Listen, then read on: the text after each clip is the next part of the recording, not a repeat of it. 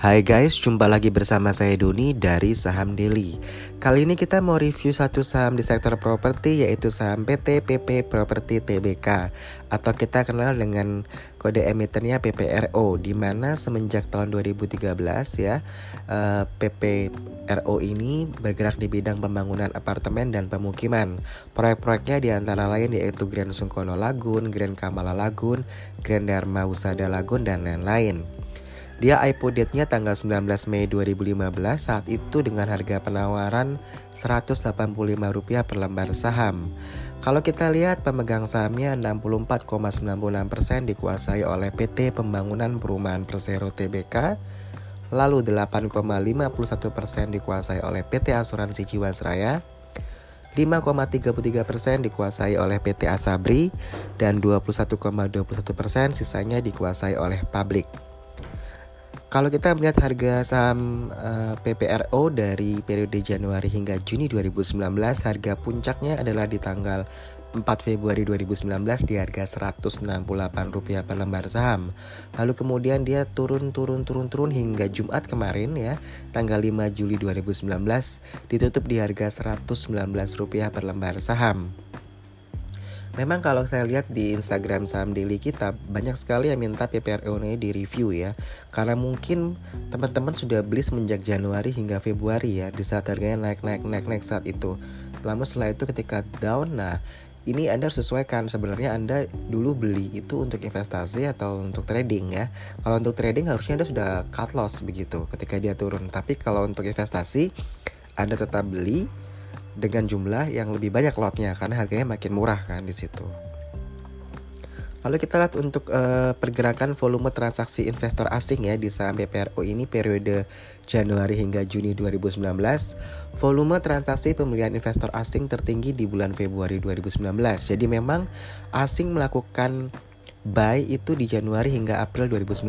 Setelah itu di bulan Mei dan Juni mereka melakukan aksi sell untuk PT Properti TBK ini pembagian dividen 2018 itu sebesar 94 miliar ya atau setara dengan 20% dari total laba bersih perseroan tahun 2018 yaitu 471 miliar.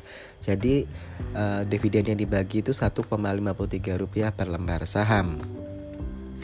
Kita lihat ke kinerja di 2018 ya PPRO ini untuk revenue dia turun 6% dari 2,7 triliun ke 2,5 triliun.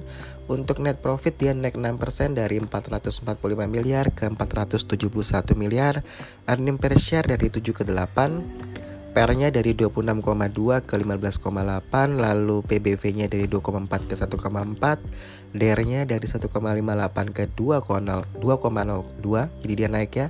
Saya ulangi DR-nya dari 1,58 ke 2,02, ROE-nya tetap ya dari 9%, tetap 9%, tidak ada kenaikan. Nilai intrinsiknya di 110 rupiah per lembar saham. Jadi kalau kemarin Jumat ditutup di harga 119 masih so-so lah kita bilang ya. Jadi nggak usah bingung karena emang dia sesuai dengan intrinsic value-nya. Lalu tren pergerakan harga sahamnya tadi saya sudah bilang bahwa dia dalam fase downtrend. Untuk yang kita bilang kenaikan marketing sales di 2018 ya, di mana di penjualan dia memang dia mengalami kenaikan ya. Uh, ini disebabkan karena memang di tahun 2018 itu uh, kenaikan 13% ya untuk marketingnya itu. Marketing salesnya itu dari 3,01 triliun menjadi 3,48 triliun.